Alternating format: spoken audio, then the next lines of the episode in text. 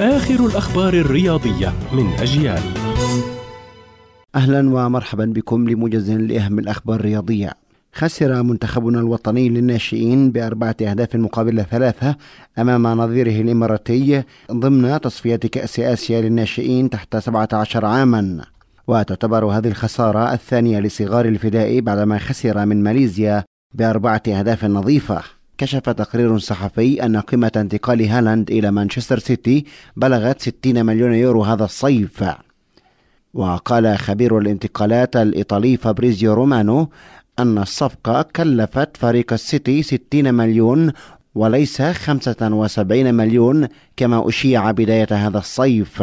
ويتصدر هالاند حاليا جدول ترتيب هدافي الدوري الإنجليزي وسجل النرويجي مع السيتي حتى الآن 17 هدفا وقدم ثلاثة تمريرات في مختلف البطولات. اقترب نادي تشيلسي الإنجليزي خطوة جديدة من المهاجم الفرنسي كريستوفر نكونكو لاعب لايبزيغ الألماني.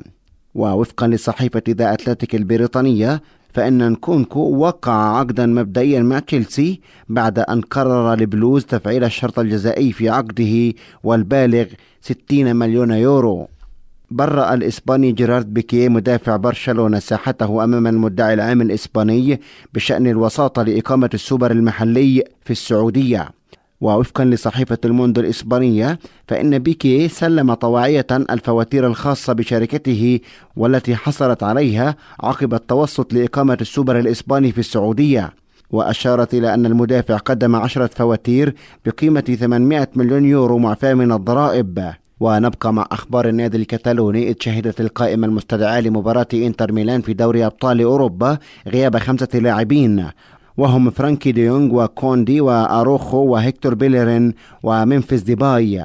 وتغيب هذه الأسماء عن قائمة تشافي بسبب الإصابة. كانت هذه أبرز الأخبار الرياضية. كنت معكم محمد سمحان.